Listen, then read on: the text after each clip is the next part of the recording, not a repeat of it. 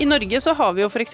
problemet med tørråte. Det er en sopp Ja. som angriper potetene våre. En av de grønnsakene vi spiser aller mest av. Så et av prosjektene som norske forskere jobber med, er å lage en potet som er motstandsdyktig mot tørråte, som ikke blir angrepet i det hele tatt, ved bruk av CRISPR.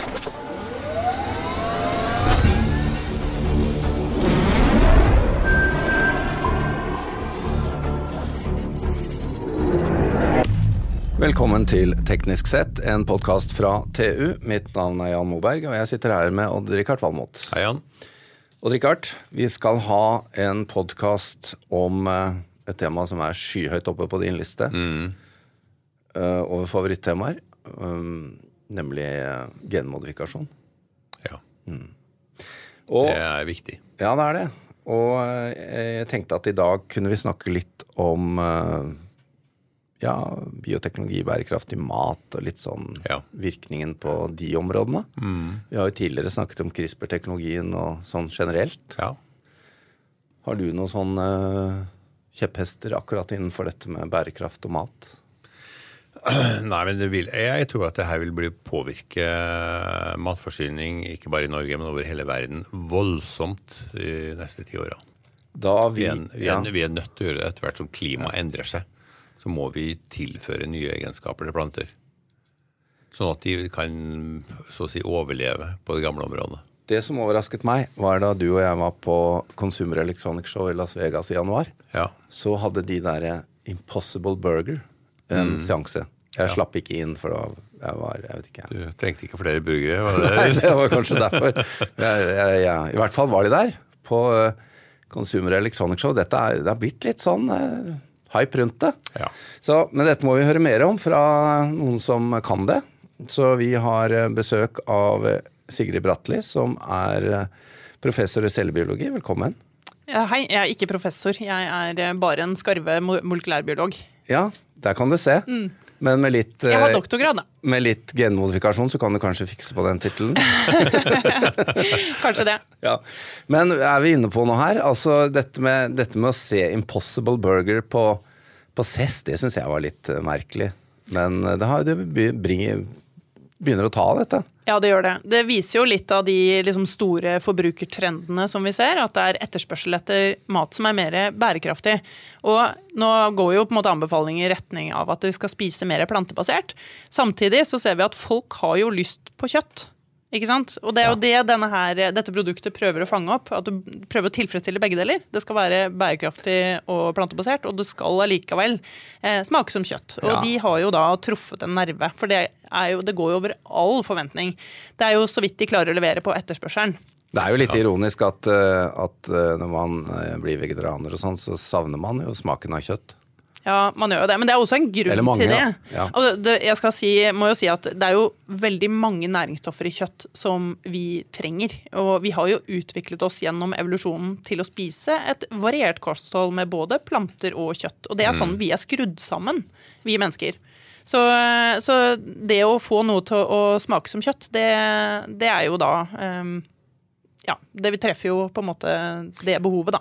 Men vi snakker vel egentlig om kjøtt i to varianter. Altså Rent vegetabilsk kjøtt og kjøtt dyrka i, altså i fabrikk. Ja, det gjør vi. Eh, Du kan si at det med, dyrke, det med å dyrke kjøtt, da får du jo faktisk ordentlig kjøtt. Men du får det uten at du trenger et dyr eh, som Ja, opphav til det kjøttet. Du kan eh, ta en celleprøve fra et dyr, og så kan du dyrke det fram eh, som da eh, kjøtt. Nå er det jo noen utfordringer med det knytta til både smak og tekstur, eh, og ikke minst pris. foreløpig. Energibehov. Og energibehov. Ja. Så det er ikke helt Og og de må også foreløpig ha noe som eh, Altså en type serum. Det er et stoff fra blodet til dyr. Så det er ikke helt dyrefritt enda, men man håper at man kan løse Ja. de problemene og gjøre det helt dyrefritt. At man bare trenger en slags celleprøve, og så kan eh, lage en burger eller biffstykke på laboratoriet. Men uh, hva er status i Norge på genmodifisert eh, mat? Vi har ingen genmodifisert mat i Norge i dag. Og noe av grunnen til det er fordi at de genmodifiserte produktene som har vært, det har ikke vært beregna på det norske markedet heller. Det er jo stort sett eh, planter som, har, eh, som ikke vi dyrker noe særlig av i Norge. Mm. Men det er jo i ferd med å endre seg. For nå er jo både norske forskere selv og andre forskere i gang med å bruke de nyeste genteknologiene, sånn som CRISPR, til å lage neste generasjons mat. Og det er særlig bærekraft som er eh, en viktig ramme for den bruken, da. Hva er det på en måte som er eh, viktigst da, å få frem fort i Norge? I Norge så har vi jo f.eks. problemet med tørråte. Det er en sopp Ja. som angriper potetene våre. En av de grønnsakene vi spiser aller mest av. Eh, og den er eh, såpass problematisk at det sprøytes opptil hver fjerde dag i vekstsesongen på en del av disse potetsortene. Og det koster norsk landbruk eh, rundt 60 millioner kroner i året å håndtere den soppen. Så det, et av prosjektene som norske forskere jobber med, er å lage en potet som er motstandsdyktig mot tørråte, som ikke blir angrepet i det hele tatt ved bruk av CRISPR. Hvor langt unna er man det, tror du? det er veldig vanskelig å si, og det er et sammensatt spørsmål. Det ene er jo teknologien, altså et teknisk spørsmål, spørsmål, om de får det til. Eh, en annen ting er jo de politiske rammevilkårene. Om dette i det hele tatt har eh, kommersiell levedyktighet. Ja. Nå er jo du eh, spesialrådgiver for Norsk Landbrukssamvirke, det må vi jo nesten nevne, siden vi snakker om dette her. Ja, det stemmer. Ja. Men, eh, men eh, kom litt inn på det. fordi det er jo ikke bare det at det koster å sprøyte, men vi mennesker når vi hører at det er sprøytemidler, så får vi litt sånn nei, det vil vi ikke ha. Ja, det, vi... det er veldig sant. Folk vil ikke ha sprøytemidler i maten sin. Men det å kunne da bruke genteknologi til å redusere vår avhengighet av kjemiske sprøytemidler, det er absolutt et stort potensial der. ja. Mm. Og så kan vi jo spørre om sånn som laksen er den eh, Den er jo en slags genmodifisert. Vi har jo dyrka frem en laks som er, vokser mye raskere og er, tåler mye mer osv., osv. Men vi har ikke brukt CRISPR. Ja, altså Alt vi spiser er på et vis genmodifisert. For alt, alle egenskapene Ja. til den maten vi spiser, det er jo genene som styrer det. Og så har man da avla på de genene Ja. som har vært gunstige. Og Det er sånn vi har fått all maten vår. Eh, men nå er jo spørsmålet om vi skal da også bruke genteknologi for å bl.a. gjøre prosessen raskere. og Kanskje også mer bærekraftig enn det den har vært. da. Sånn som Oppdrettsnæringa den skal jo vokse veldig. Vi satser jo stort. Det, skal, det er et politisk mål om at uh, lakseproduksjonen skal tredobles innen 2050. Å gjøre det på bærekraftig vis blir jo en utfordring Ja. uansett. Og så kan genteknologi da kanskje spille en rolle. Det er jo forskere i Bergen som har vist at de har laget steril laks som ikke kan krysse seg med villaksen hvis den rømmer. Ja, ved bruk av CRISPR. Ja, det har jo, det har jo nytte.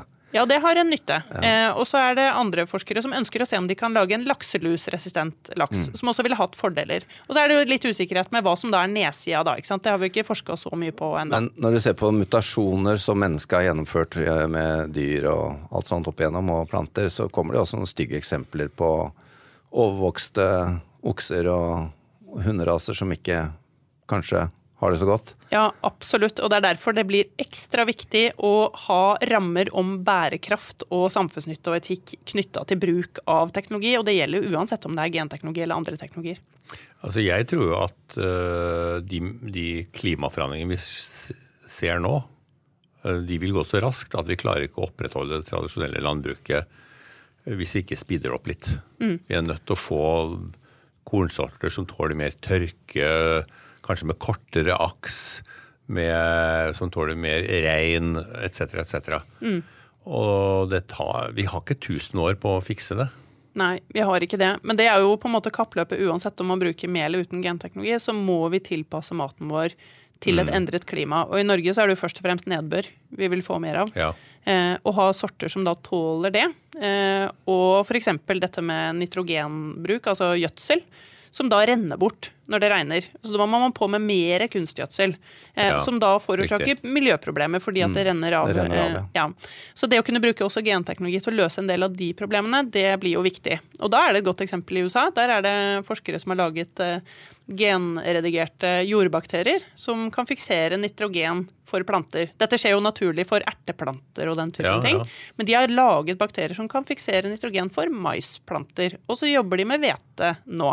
Og dette er ikke klassifisert som genmodifisert i USA. også. Så ja, det brukes. så der skjer det. Ja da, det brukes. Det er kjempepopulært, og bøndene elsker jo dette produktet. Så det er utsolgt sant, så fort de legger ut ny beholdning. Ja, men der er du inne på noe. Fordi dette skal jo eh, til syvende og sist treffe forbrukeren.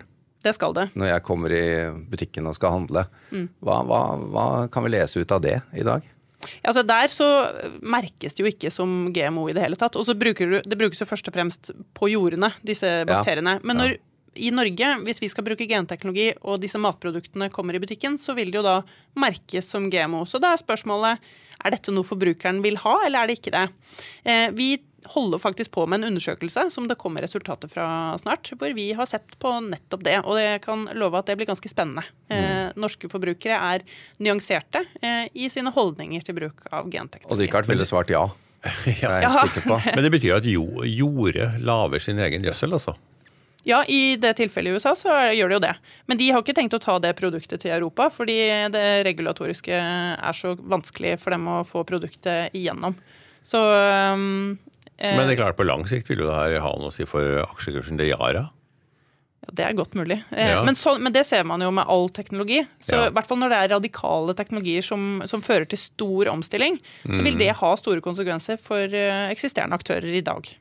Ja da, klimaendringene har eh, stor, stor påvirkning for mange allerede. Men, men er vi, du er spesialrådgiver, jeg vet ikke om du kan uttale deg om det, men er, er vi for eh, varsomme i Norge Europa i forhold til USA, eller Kina for den saks skyld? Det skal jeg ikke svare på, men jeg kan si at det er ulikt. Eh, I de fleste andre steder i verden så har de tatt en annen politisk kurs enn man har gjort Ja. i Europa. Så rammevilkårene, eller restriksjonene der, er mye mindre andre steder. Ja. Enn der i Europa. Men så er spørsmålet på en måte hvordan bruker vi, hvordan legger vi i Europa og i Norge beste rammevilkår for oss, da, som også tar hensyn til forbrukeren, for det er jo veldig viktig. Så hvis forbrukeren ikke vil ha produktene, så skal man også ta hensyn til det. Det men er, det er ikke noe tvil om at dette er et politisk veldig viktig område, også for Norge fremover. Ja, har, vi, har vi noen fortrinn i Norge i forhold til andre land? Vi har noen fortrinn. Vi har et landbruk som har veldig høy tillit hos forbrukerne, og det må vi ta vare på. Eh, og så har vi da et rammeverk som sier at genteknologi skal brukes til formål som er bærekraftig, samfunnsnyttig og etisk forsvarlige. Og det tror jeg blir helt avgjørende når vi skal lage mat i framtida. Det er jo sånn, eh, Sigrid, at uh, Odd Rikard, når vi snakker om genmodifikasjon, så har han lyst til å bringe dinosaurene tilbake, han. Det er liksom hans eh, store drøm. Ja, vet du hva? Jeg, jeg ble intervjua på radioen jeg tror det var på slutten av 80-tallet, og da sa jeg at jeg tror to ting kommer til å skje i fremtida. For det første så får vi, kan vi dyrke indrefilet i tank. eh, Ref kunstig kjøtt, ikke sant. Og så tror jeg vi klarer å gjenskape Tyrannosaurus rex. Og kunstig kjøtt har vi jo fått, men eh, Og vi er på vei med eh, å på en måte gjenskape egenskapene til dinosaurene ved å ta utgangspunkt i ei høne.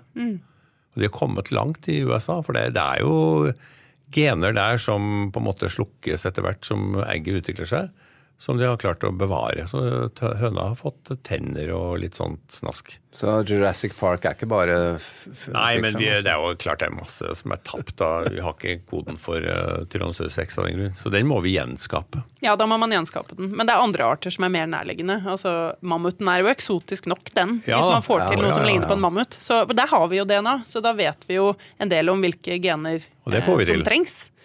Ja, altså Det er samme prinsipp. da Man tar en elefant og jobber seg bakover mot mammut, og så ser man hvor langt man kommer. da. Så, Ja. Men det er et forskningsprosjekt som pågår. Her høres det ut som det er et vell av muligheter. Eh, Ja. hva, hva, har vi kapasitet nok til å følge opp alle disse mulighetene, eller til eh, også å følge med på hva som skjer? Altså for, for du må jo gjøre to ting her. Du må få satt fart på det du har lyst til å gjøre, og så må du prøve å begrense det du ikke vil ha noe av. Mm. Jeg tror det blir veldig vanskelig, det siste, eh, å begrense det man ikke vil ha, med en teknologi som er så tilgjengelig som det de nye, altså CRISPR og de andre nye teknologiene er veldig tilgjengelige. Det er veldig vanskelig å holde kontroll.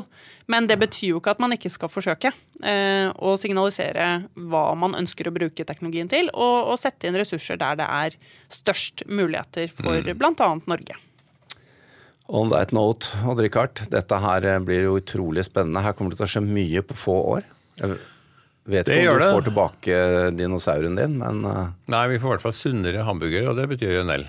Ja. mye å spise hamburger sammen med barnebarna. Men jeg må legge til bare på akkurat det, som en sånn avsluttende kommentar, at vi, det å ha kjøttproduksjon i Norge blir også veldig viktig i framtida, fordi bl.a. beitemarkene binder veldig mye karbon i jorda si. Så hvis vi tar ut den norske kua, så er det negativt i klimaregnskapet. Så dette må ses på eh, i kombinasjon. Ja, Det er det ikke mange som tenker på. Vi tenker Nei, jo på de sånne veldig viktig. Jo, men så er de karbonbindere i tillegg. Så Ja. vi må tenke på det helhetlige bildet. Ikke sant? Og i Norge så kan ikke vi bruke alt det arealet til eh, planteproduksjon. Det, Nei, mye av det er igjen. gress, og vi Ja. kan ikke spise gress. Den må gjennom en ku den for at eh, vi skal kunne Da må vi eventuelt genmodifiseres først. Ja, Da må vi genmodifiseres så vi kan uh, bryte ned gress. Og da slipper nok vi ut metan også. Så Jeg foreslår at vi genmodifiserer ulven, som begynner å spise gress. Ja, Vi har utrolig ja, ulv. da løser du alle problemer Vet i hvert fall om ett politisk parti Ja. som ville si ja til det. Uh, Sigrid Bratli, takk for at du kom innom oss. Ja, veldig takk til eh, Odd Rikard, og takk til vår produsent Sebastian Winnem Storvik.